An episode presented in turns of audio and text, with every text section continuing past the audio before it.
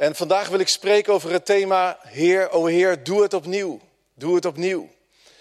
En al nadenkend over dat thema dacht ik na over wat God vroeger in mijn leven heeft gedaan. En een van de dingen die ik enorm heb gewaardeerd. Ik waardeer heel veel dingen van mijn ouders. Ze waren evangelist, zijn nog steeds evangelisten in Limburg. Heel ver weg van het midden van het land. Dus ik weet hoe jullie je voelen wanneer je eens een keer ergens in het midden van het land komt en mensen zeggen van ja, dat is ver rijden hè. Heel ver, het is altijd ver. Limburg is ook altijd ver. En ehm, dus op dat stukje kan ik een beetje meeleiden met de Groningers. Hoewel het wel heel ver is. Nee, grapje. Nee, Limburg, Limburg is net zo ver. En wij gingen nadenken gisteravond over wat God in ons leven heeft gedaan. En een van de dingen waar ik aan terug moest denken... was dat wij elke donderdagavond hadden wij bidstond in de gemeente. En dan gingen we ook knielen, een uur lang knielen. En als kind vond ik dat best wel lastig, want er waren geen kussentjes. Het was Spartaans knielen op de vloer. En uh, mijn knieën gingen altijd pijn doen. Maar gaandeweg dat uur merkte ik ook wel dat je eraan wende. En ik was niet anders gewend van mijn jonge jaren af. Als jonge kinderen gingen we al mee. Dat we elke donderdagavond als gemeente bij elkaar kwamen. Volle bak. En knielend op de vloer baden we tot God. Precies acht tot negen. En negen uur was het klaar. En één keer in de maand, meen ik, of één keer in de twee weken, was daar dan, uh, dat noemden we bijbelbespreking. En dan namen we gewoon eigenlijk een, de hele Bijbel namen we door. En dan gingen we bijbelstudie doen. Dan stonden er telkens mensen op en die legden wat uit over de paar versen die je las. En ik heb daar enorm veel van geleerd in mijn jeugd. Wat is het goed als gebed en de Bijbel samen opgaan? En wat is de kracht van een biddende gemeente groot? En iets anders dat wij deden was op zondag, omdat mijn vader evangelist was, nam hij ons vaak mee om op zondag te zingen op straat. En dan gingen we met een gitaar gingen we de straat op in de dorpjes van Limburg. En het mooie van Limburg is dat er een soort fanfare cultuur is. Dus elke zondagavond als je door de dorpjes van Limburg reed... dan hoor je hoorde je altijd wel ergens een fanfare spelen. Hoorde je... Hoorde die bas hoorde je en de tuba's eroverheen. Heel mooi, dat, dat gloorde zo door de velden en de... Ik moet niet sentimenteel worden, maar door de velden en de heuvels van Limburg. Ik heb ook moeilijke herinneringen aan mijn tijd in Limburg als jongeman, als jongen. Ik werd veel gepest daarom omdat ik een Hollandse jongen was. Maar dit zijn de hele mooie herinneringen die ik heb aan Limburg. Ik fietste vaak met een vriendje door Limburg en dan hoorde je al die fanfares. En er stonden dus ook in elk dorp stond een muziektent. En op zondag na de dienst, zondagochtend, dan aten we met elkaar en daarna gingen we regelmatig, ik denk ongeveer met een, een frequentie van één keer in de maand, gingen we de straten op en dan gingen we liedjes zingen. Welke vriend is onze Jezus? En allemaal mooi een beetje wat ouderwetse liederen. Maar um, hoewel ik toen jong was, dus waarschijnlijk was het een nieuwe opwekking in die tijd. nee, maar het was toen ook al best wel oud. Al de weg leidt mij mijn heiland en mooie oude liederen van Johannes de Heer. En dan zongen we die liederen en we evangeliseerden op straat. En er bleven weinig mensen kijken. Um, en, maar de mensen die bleven kijken, die, daar brachten we het evangelie aan.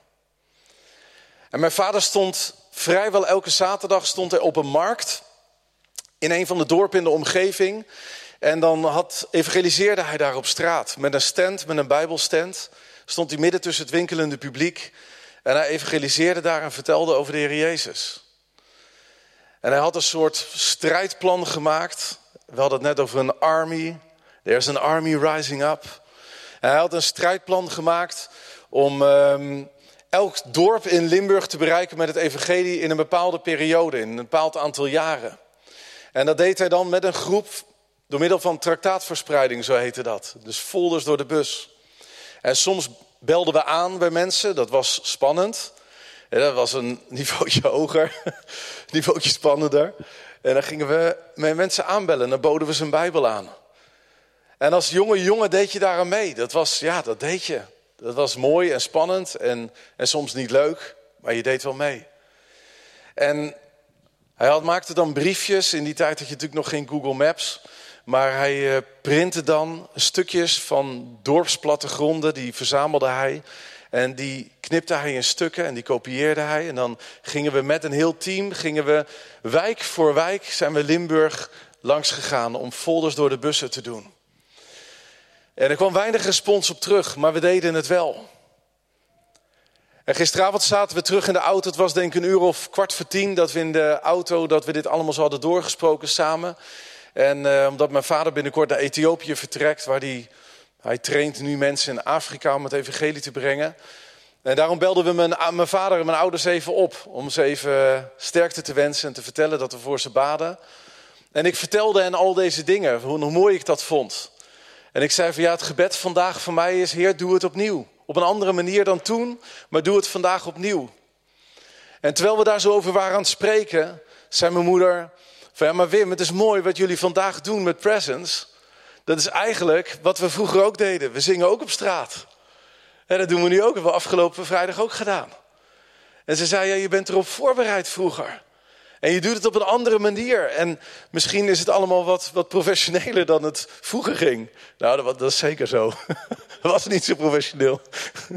Valse gitaar. En, maar maakt niet uit. Maar, maar het is anders, maar het is wel, je bent erop voorbereid. En we waren erover aan het doorpraten en ik vroeg aan mijn vader van, ja, die bijbelstands. Elke zaterdag in een ander dorp, hoe deed hij dat eigenlijk? En toen zei mijn vader van, ja, ik bad in het weekend waar ik komende zaterdag moest staan. En dan vroeg ik een vergunning aan, dan meldde ik het bij de burgemeester en wethouders. En dat duurde altijd heel lang. En dan vaak vlak van tevoren, soms een avond van tevoren had je eindelijk, in die tijd ging het nog via de post, had je de goedkeuring van burgemeesters en wethouders in de bus dat je daar mocht staan met een stand. En zei, het was altijd heel spannend. En toen zei ik, ja, maar het is vandaag nog steeds zo.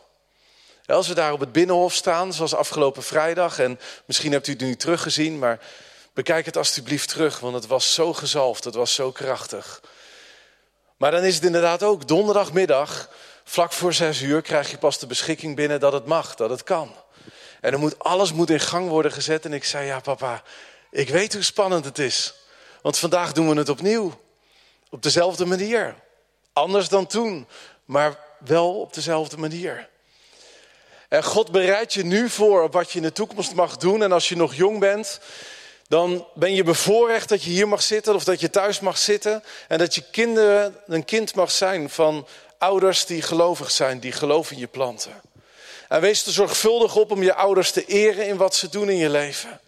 Want in de toekomst zal het misschien anders zijn en misschien zul je een beetje je schamen voor hoe het vroeger ging of hoe het vandaag gaat. Maar God legt vandaag al de blueprint in je leven voor wat je in de toekomst mag doen. En je gebed mag zijn, Heer, doe het opnieuw. En misschien ben je thuis of misschien ben je hier en je bent teleurgesteld geraakt in wat God in het verleden in je leven heeft gedaan. Of je kijkt misschien met wat, en misschien zelfs wel met wat minachting neer op hoe het vroeger ging. En je denkt van ja, zoals toen ging, zo doen we het vandaag niet meer. Maar God heeft vroeger een blueprint in je leven gelegd. En vandaag mag je zeggen, Lord, do it again. Heer, doe het opnieuw. Want God wil vandaag bouwers maken van mensen voor wie het hart gebroken is voor wat er vandaag gebeurt in de samenleving. En God wil in de gescheurde, de verscheurde samenleving, is hij op zoek naar bouwers die bereid zijn om muren van veiligheid te bouwen en Gods heerlijkheid erbinnen uit te nodigen. Zo staat het in Zachariah 2 vers 5. Ik zal een muur van vuur rondom je zetten en mijn heerlijkheid binnenin je uitstorten. En dan bid ik, Vader, doe het vandaag opnieuw. In de naam van Jezus. Zachariah 12 vers 10 staat dat hij in de toekomst de geest van genade en gebeden zal uitstorten. En het is mijn, mijn gebed, Heer, doe het vandaag opnieuw. Laat uw gemeente vandaag opnieuw op de knieën gaan. En al doet het pijn in onze knieën, maar laat er eelt komen op onze knieën, zodat we bidden en bidden en bidden voor ons land. En misschien sta je met knikkende knieën sta je op de plekken waar je, waar je bent. En misschien durf je het niet. Maar Max Lucado zei, als we onze knieën knielen, dan kunnen ze niet knikken. En knielende knieën knikken, kunnen niet knikken. Dat is een beetje... Liesje leerde lotje lopen langs de lange lindenlaan, maar dan moeilijker. Knielende knieën kunnen niet knikken. Zullen we dat eens proberen even als gemeente te zeggen? Knielende knieën kunnen niet knikken als je knikkende knieën hebt, kniel. Want je knieën, je knieën kunnen niet meer knikken. Je hebt geen knikkende knieën meer als je knielt voor het aangezicht van God. En dat is wat we mogen doen. Dus ik wil jullie ook uitdagen als gemeente tijdens de, ik weet niet of dat al gebeurt tijdens de gebedsdienst door de week. Maar kniel neer voor het aangezicht van de Heer. Kniel neer. Het is wat er inmiddels automatisch bij mij gebeurt toen ik ouder werd. Als ik ben voor het aangezicht van God, kniel ik vaak neer. Omdat ik dat als jonge jongen heb geleerd. Nou, God wil bouwers maken van mensen die bereid zijn om op te staan in een verscheurde samenleving. En ik wil lezen uit Nehemia hoofdstuk 1. Als je een Bijbel bij je hebt, pak je Bijbel erbij. En um, zoek, bij me, zoek samen met me op Nehemia hoofdstuk 1. Het is goed om een Bijbel mee te nemen naar het huis van God. Het is goed om een Bijbel-app te gebruiken, maar het is ook goed om het woord van God echt ook tastbaar en voelbaar mee te nemen naar het huis van God. Wanneer we Hem ontmoeten. Nehemia hoofdstuk 1. Nehemia was een um, ambtenaar van de hoogste machthebber van die tijd. De president van het Perzische Rijk. En hij diende de koning van het Perzische Rijk. De hoogste machthebber in die tijd. En dan staat er in Nehemia hoofdstuk 1... Het gebeurde in de maand Gisleu in het twintigste jaar... toen ik in de burcht Suzan was. Gisleu, Gisleu was ongeveer december... En hij was daar in de burcht Susa dat Hanani kwam, een van mijn broers. Hij en de mannen uit Juda, die ontkomen waren. Zo, heb je snel opgezocht. Waar zit de Biemer jongen? Ja, oh geweldig. Oh, hij zit in het hokje. Ja. Nou, heeft hij snel opgezocht, want ik had het niet doorgegeven. Want uh, ik wist niet precies wat God wilde gaan zeggen afgelopen week. En uh, goed gedaan, uh, beste man of vrouw. Dat Hanani kwam een van mijn broers, hij en de mannen uit Juda. En ik vroeg hun naar de Joden die ontkomen waren, die uit de gevangenschap overgebleven waren. En ik vroeg hen naar Jeruzalem. Even situatieschets. Nehemia was in de burcht Susa, ver weg in het Persische Rijk. In die tijd was het zo dat de. Vroeger was het zo dat de koning van Babel die nam altijd volken mee en deporteerde wanneer hij een, um, een, een land overwon, deporteerde voorheen, de koning van Babel vroeger, deporteerde dan volken naar Babylonië toe. Zo was het vroeger. Maar Perzië, de machtsopvolger van Babel, het volgende rijk, had een andere strategie. En Perzië had juist de strategie om gedeporteerde volken weer terug te laten gaan naar hun eigen grondgebied, in dit geval naar Juda en naar Jeruzalem zodat zij het land weer konden opbouwen en daar konden wonen. Zodat zijn rijk, zijn grote rijk sterk zou zijn. Dus zij kregen het, het voorrecht om tempels weer op te bouwen, om steden weer op te bouwen. En Hanani, zijn naam betekent Yahweh is genadig. Hanani die was teruggegaan naar Jeruzalem. De broer van Nehemia was teruggegaan naar Jeruzalem samen met een aantal andere gedeporteerden. En zij waren daar in Jeruzalem weer gaan wonen. Nehemia had een andere keuze gemaakt. Nehemia betekent mijn God is een trooster. En Nehemia had een andere keuze gemaakt en hij was blijven wonen in Perzië, waar ze ook geboren waren, want inmiddels waren ze een generatie verder. En hij had gezegd van ja, ik blijf bij de koning van Perzië, waar hij inmiddels een hoge functie had. En zo waren er binnen dat gezin waren verschillende keuzes gemaakt. Het was niet erg. Binnen een gezin kun je verschillende keuzes maken, ook vandaag nog. De een kan dit kiezen, de ander kan dat kiezen. En we hoeven er geen ruzie over te maken, welke keuzes we maken. Want verschillende keuzes kunnen elkaar op een verschillende manier versterken. Dat is een woord van de Heer. En zo hadden Hanani en Nehemia verschillende keuzes gemaakt. Ze hadden een tijd hadden ze zonder elkaar geleefd, omdat je in die tijd natuurlijk geen mobiele telefoons had en, en ook geen contact kon hebben met elkaar op afstand. Maar goed, Nehemia, die is dus bij de koning van Perzië. Hanani komt naar hem toe. En ze zeiden tegen mij, de overgeblevenen die uit de gevangenschap daar in het gewest zijn overgebleven, ze verkeren in grote ellende en in smaad. En Nehemia, in de muur van Jeruzalem zijn bressen geslagen en zijn poorten zijn met vuur verbrand. En dan staat er, en het gebeurde toen ik, Nehemia, deze woorden hoorde, dat ik ging zitten en ik begon te huilen. En ik bedreef enkele dagen rouw terwijl ik voor het aangezicht van de God van de hemel vastte en bad. En ik zei, Och Heere, God van de hemel, de grote en ontzagwekkende God. U die het verbond en de goede tierenheid in acht neemt voor hen die hem liefhebben en zijn geboden in acht nemen. Laat Heer toch uw oor opmerkzaam worden en uw ogen open om te luisteren naar het gebed van uw dienaar, dat ik heden dag en nacht voor uw aangezicht bid, voor de Israëlieten, voor uw dienaren. En ik beleid de zonden van de Israëlieten die wij tegen u begaan hebben. En ook ik en mijn familie, wij hebben gezondigd. Wij hebben het grondig bij u bedorven, verdorven. We hebben de geboden, de verordeningen en de bepalingen die u aan uw dienaar Mozes geboden hebt, niet in acht genomen. Maar heren, denk toch aan het woord van uw dienaar Mozes, dat u uw dienaar Mozes geboden hebt. Dubbele punt. Het volgende. Toen u zei, als u ontrouw bent, zal ik u overal onder de volken verspreiden, maar als u zich tot mij bekeert, zo spreekt de Heer dus, en mijn geboden in acht neemt en die houdt, al bevonden uw verdrevenen zich aan het einde van de hemel, vandaar zal ik hem bijeenbrengen. En hem brengen naar de plaats die ik gekozen heb, om daar mijn naam te laten wonen. Zij toch zijn uw dienaren en uw volk dat u verlost hebt, door uw sterke hand en door uw grote kracht. Och heren, laat uw oor toch opmerkzaam zijn op het gebed van uw dienaar en op het gebed van uw dienaren, die er vreugden in vinden uw naam te vrezen. Doe uw dienaar vandaag toch slagen en geef hem barmhartigheid bij deze man, bij de koning. Want ik was namelijk de schenker van de koning. En in de maand Nisan staat er in hoofdstuk 2, vers 1 kreeg hij eindelijk de gelegenheid, dat is ongeveer 100 dagen later, kreeg hij de gelegenheid om te spreken met de koning. En dan stuurt de koning hem terug naar Jeruzalem en geeft hem de gelegenheid om de muren te herbouwen rond Jeruzalem.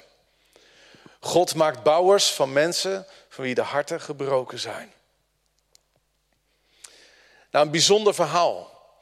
En ik kreeg dit verhaal op mijn hart omdat het laat zien wat de kracht is van één man, en vandaag ook één man of één vrouw, die bidt voor het aangezicht van de Heer. Er is zoveel kracht in gebed. Er is zoveel kracht in het knielen voor Gods aangezicht. Hanani, de broer van Nehemia, ik ga het verhaal niet helemaal opnieuw vertellen, maar ik geef wat context. Hanani, de broer van Nehemia, was gekomen vanuit Jeruzalem naar Perzië toe. Dat was een hele lange reis. En hij had één doel. Hij wilde zijn broer, die invloed had op de koning, wilde hij bekendmaken met de toestand van het volk. En hij kwam daar naar Nehemia toe. En Nehemia, stel ik me zo voor, zat in zijn stoel. En hij zat daar gewoon zijn werk te doen, misschien in zijn studeerkamer. Nehemia was een rijk man. Verderop in het boek Nehemia lees je dat hij 150 adviseurs had die hij zelf vanuit zijn eigen portemonnee voorzag van brood en van wijn en van allerlei gedierte en van allerlei gevogelte om te eten. Nou, als je 150 man kan voeden aan je tafel, dan, ben je, dan, ben je, dan, dan, ga je, dan hoef je niet naar de voedselbank door de week. Dat was een man die had vermogen. En als er dan staat dat hij schenker van de koning was, dan denken wij vandaag misschien van ja, hij was een soort slaaf, maar dat was niet zo. De schenker in die tijd was een van de hoogste ambtenaren onder de koning. Nehemia had net zo'n grote status in het Perzische Rijk als dat later Daniel zou hebben. Nehemia werd op net zo'n krachtige manier gebruikt als Esther. Het is allemaal een beetje in dezelfde tijd. En hij had profeten om zich heen, hij had Haggai om zich heen en Zacharia om zich heen en, eh, en um, Malachi ook in die tijd. Dat speelde allemaal in die tijd van het Perzische Rijk. En Anani, de broer van Nehemia, kwam naar dat verre rijk toe, naar de burcht Susa, naar het New York van die tijd. En hij zei tegen Nehemia, Nehemia, het is goed fout met de stad waar wij oorspronkelijk vandaan komen, waar papa en mama vandaan komen. En Nehemia, wij zijn weliswaar geboren in het Persische Rijk. Dat zegt hij allemaal niet zo letterlijk, maar dat is wel een beetje wat er doorheen klinkt. Maar je weet, ik ben teruggegaan en we hebben andere keuzes gemaakt. Maar vandaag heb ik je nodig, vriend. Ik heb je nodig. En Nehemia, hoort het en hij wordt geraakt door de toestand van zijn volk. Hij wordt geraakt door de toestand van het volk Israël. Een volk dat op verre afstand leefde van de, van de gouden kooi waarin hij zat. Maar met al zijn centjes en met al zijn aandelen en met alles wat hij had, werd hij geraakt door God. Door de stem van God. En hij werd zo geraakt dat hij neerknielde en hij bad en hij vastte, staat er. En hij vastte niet zomaar een beetje, maar hij ging maandenlang, van december tot maart, bad hij en vastte hij. En als je zo lang bidt en als je zulke lange periodes achter elkaar vast, dan komt er een voedingsbodem in je hart om de stem van God te kunnen horen. Wij bidden en wij vasten vandaag niet als gemeente van God om per se meteen de stem van God te horen. Maar gebed en vasten maakt mij klaar, maakt jullie klaar, maakt ons klaar. Om langzaam aan de stem van God te kunnen gaan horen. Het is een periode, een vaste periode, is een periode waarin God ons hart voorbewerkt en de grond voorbewerkt. Omdat het soms nodig is dat er een langere periode voorbij gaat voordat wij de stem van God kunnen horen. Want als God meteen zou spreken, zou ons hart er niet klaar voor zijn. Snap je wat ik bedoel? Soms heeft God, soms heeft God geduld met ons en laat hij ons een langere tijd bidden en vasten.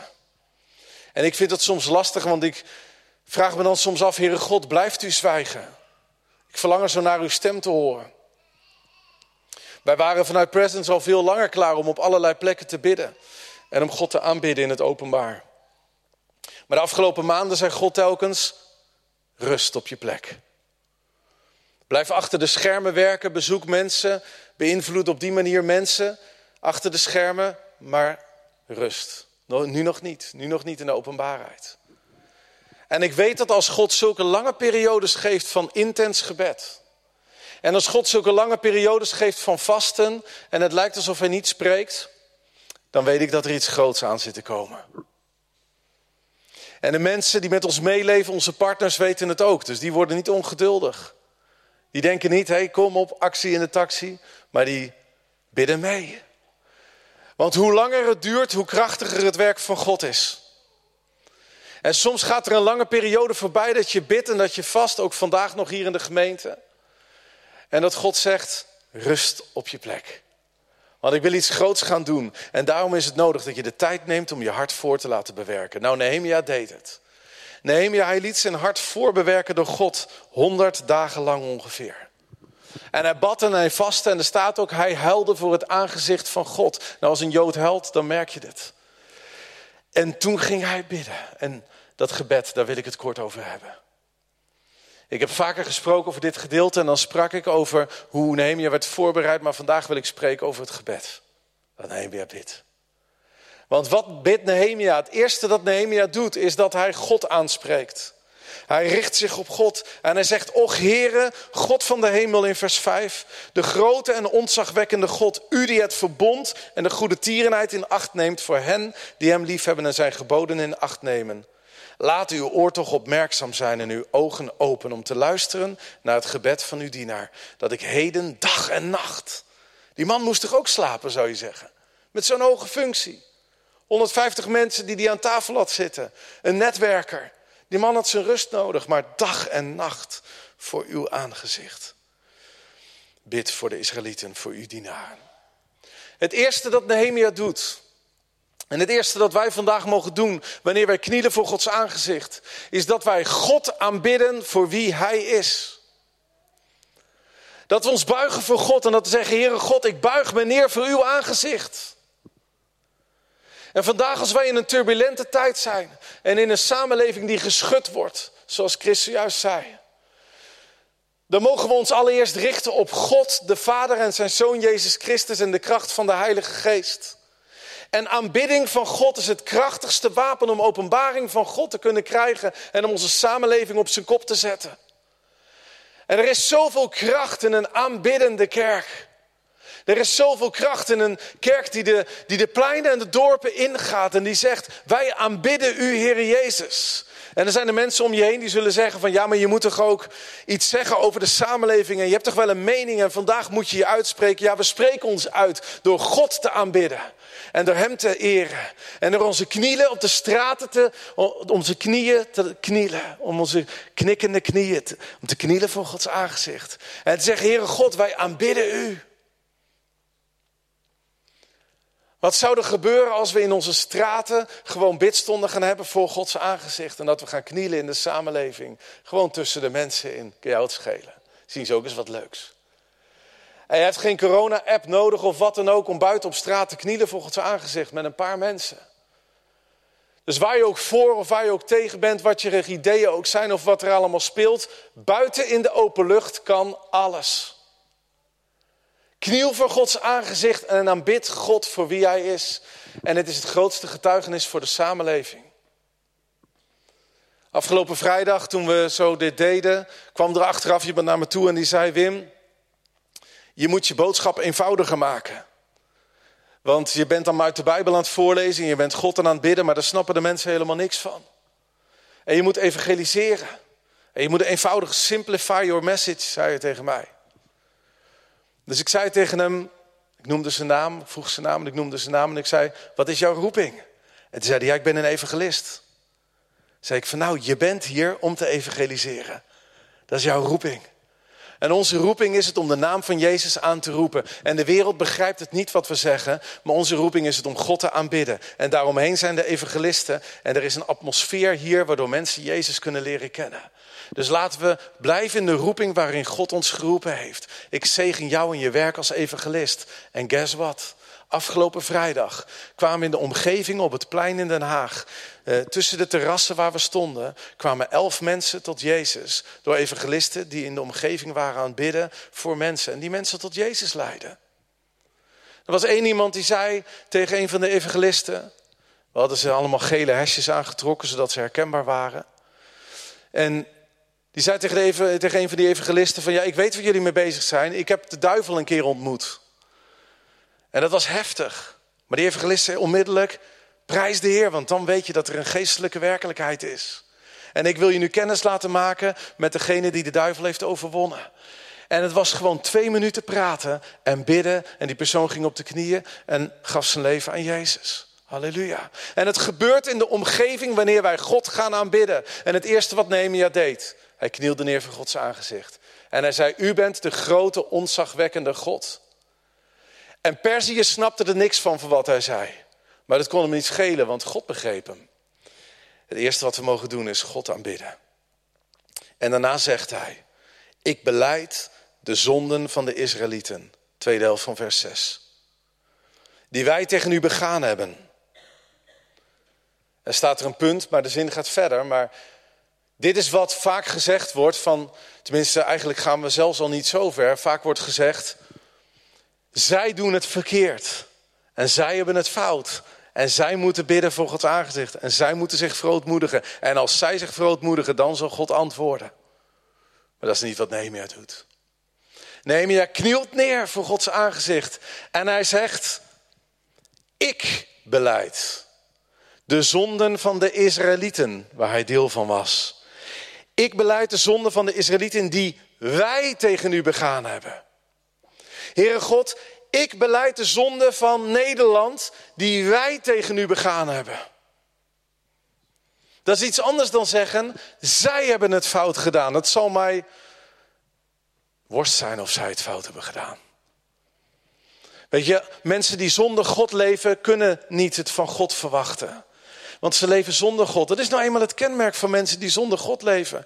En dan kun je wel zeggen, zij, zullen, jullie hebben het fout gedaan. Ver weg allemaal. Een beetje zo in de richting van Den Haag of op andere plekken. Maar Nehemia keert het om en hij zegt, wij hebben het fout gedaan. Wij hebben het fout gedaan. Het is niet wat Wim zegt, het is wat de Bijbel zegt. Ik beleid de zonde van de Israëlieten die wij tegen u begaan hebben. En dan komt hij nog een cirkeltje dichterbij en hij zegt, ook ik en mijn familie, wij hebben gezondigd. Wij hebben het grondig bij u verdorven. Wij hebben de geboden, de verordeningen en de bepalingen die u aan uw dienaar Mozes geboden hebt, niet in acht genomen.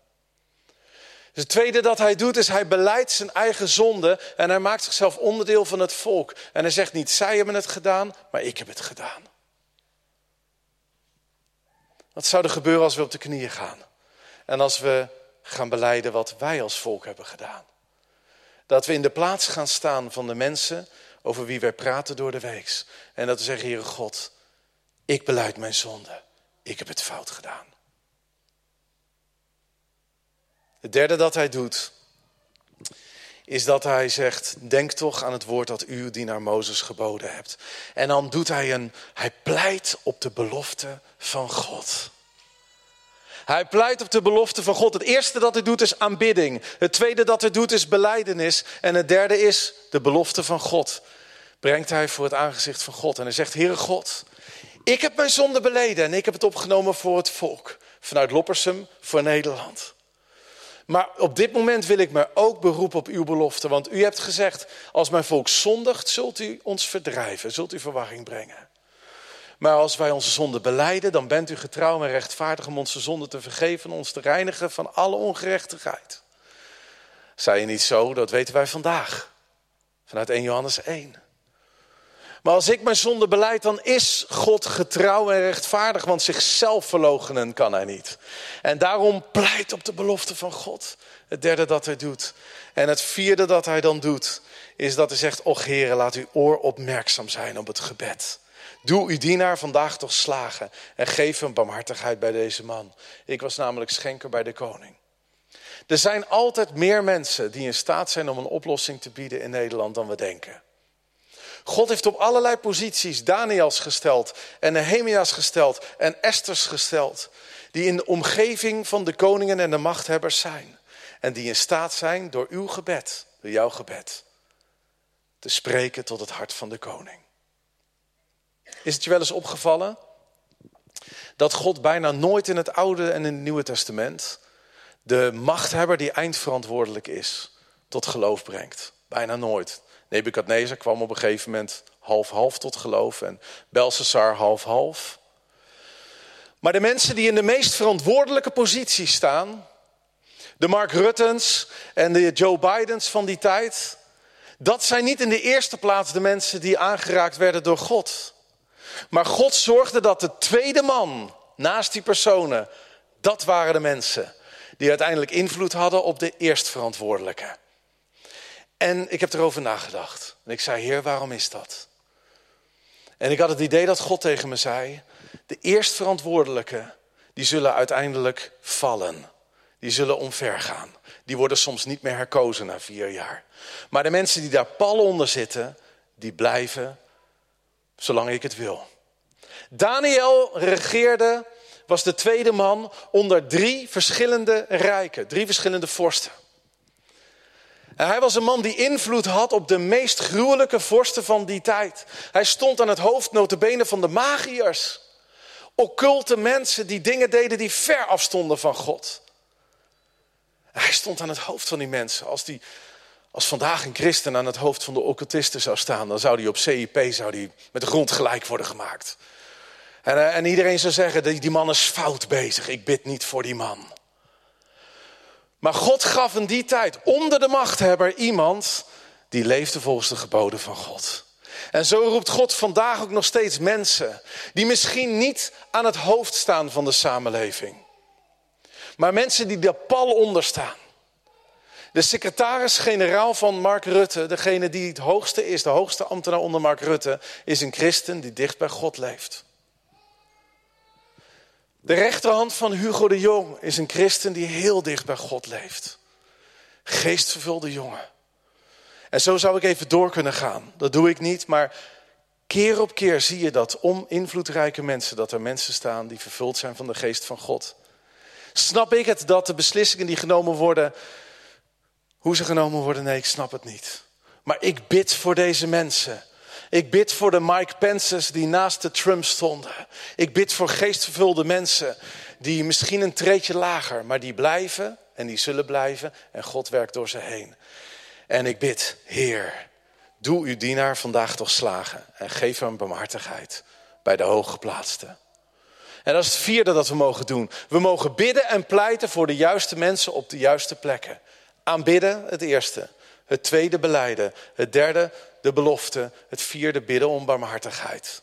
Voor de mensen die rond de machthebber staan. Wat we nu gaan doen, is wat ehm, God vroeger ook altijd door me heen deed.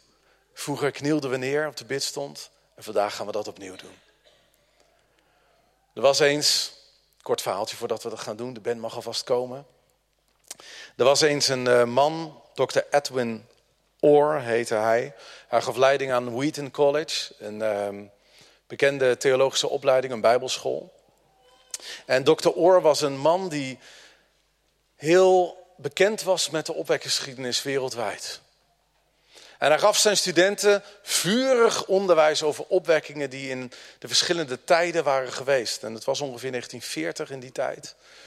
En er waren zoveel opwekkingen geweest en deze dokter Oor wist er alles van. En hij onderwees zijn studenten dagenlang, jarenlang in wat God had gedaan in de opwekking in de geschiedenis. Revival onderwijs. En op een dag zei dokter Oor, we gaan naar Londen toe.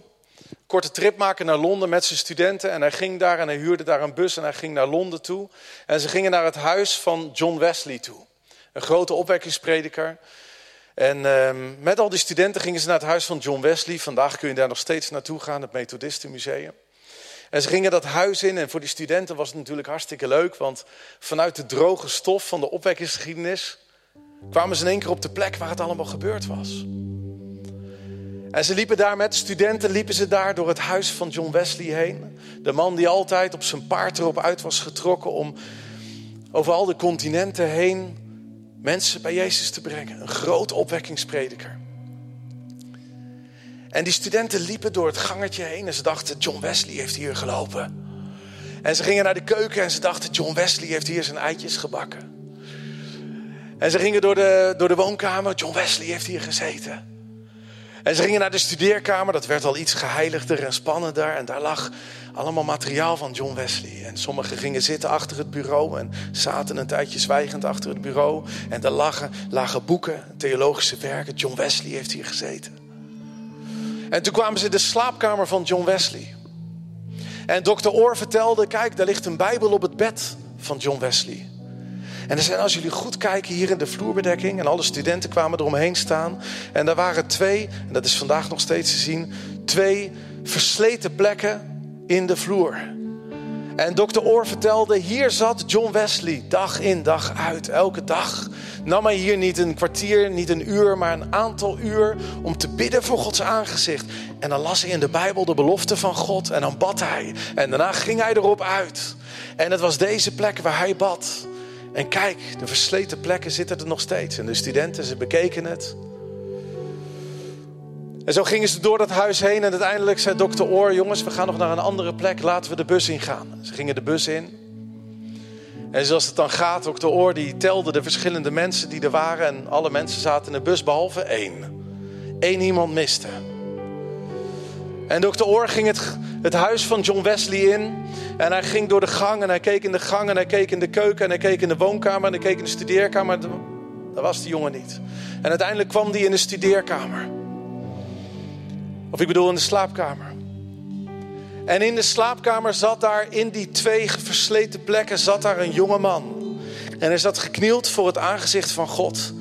En hij, dokter Oor stond erbij, terwijl hij hardop zei: Oh Lord, do it again.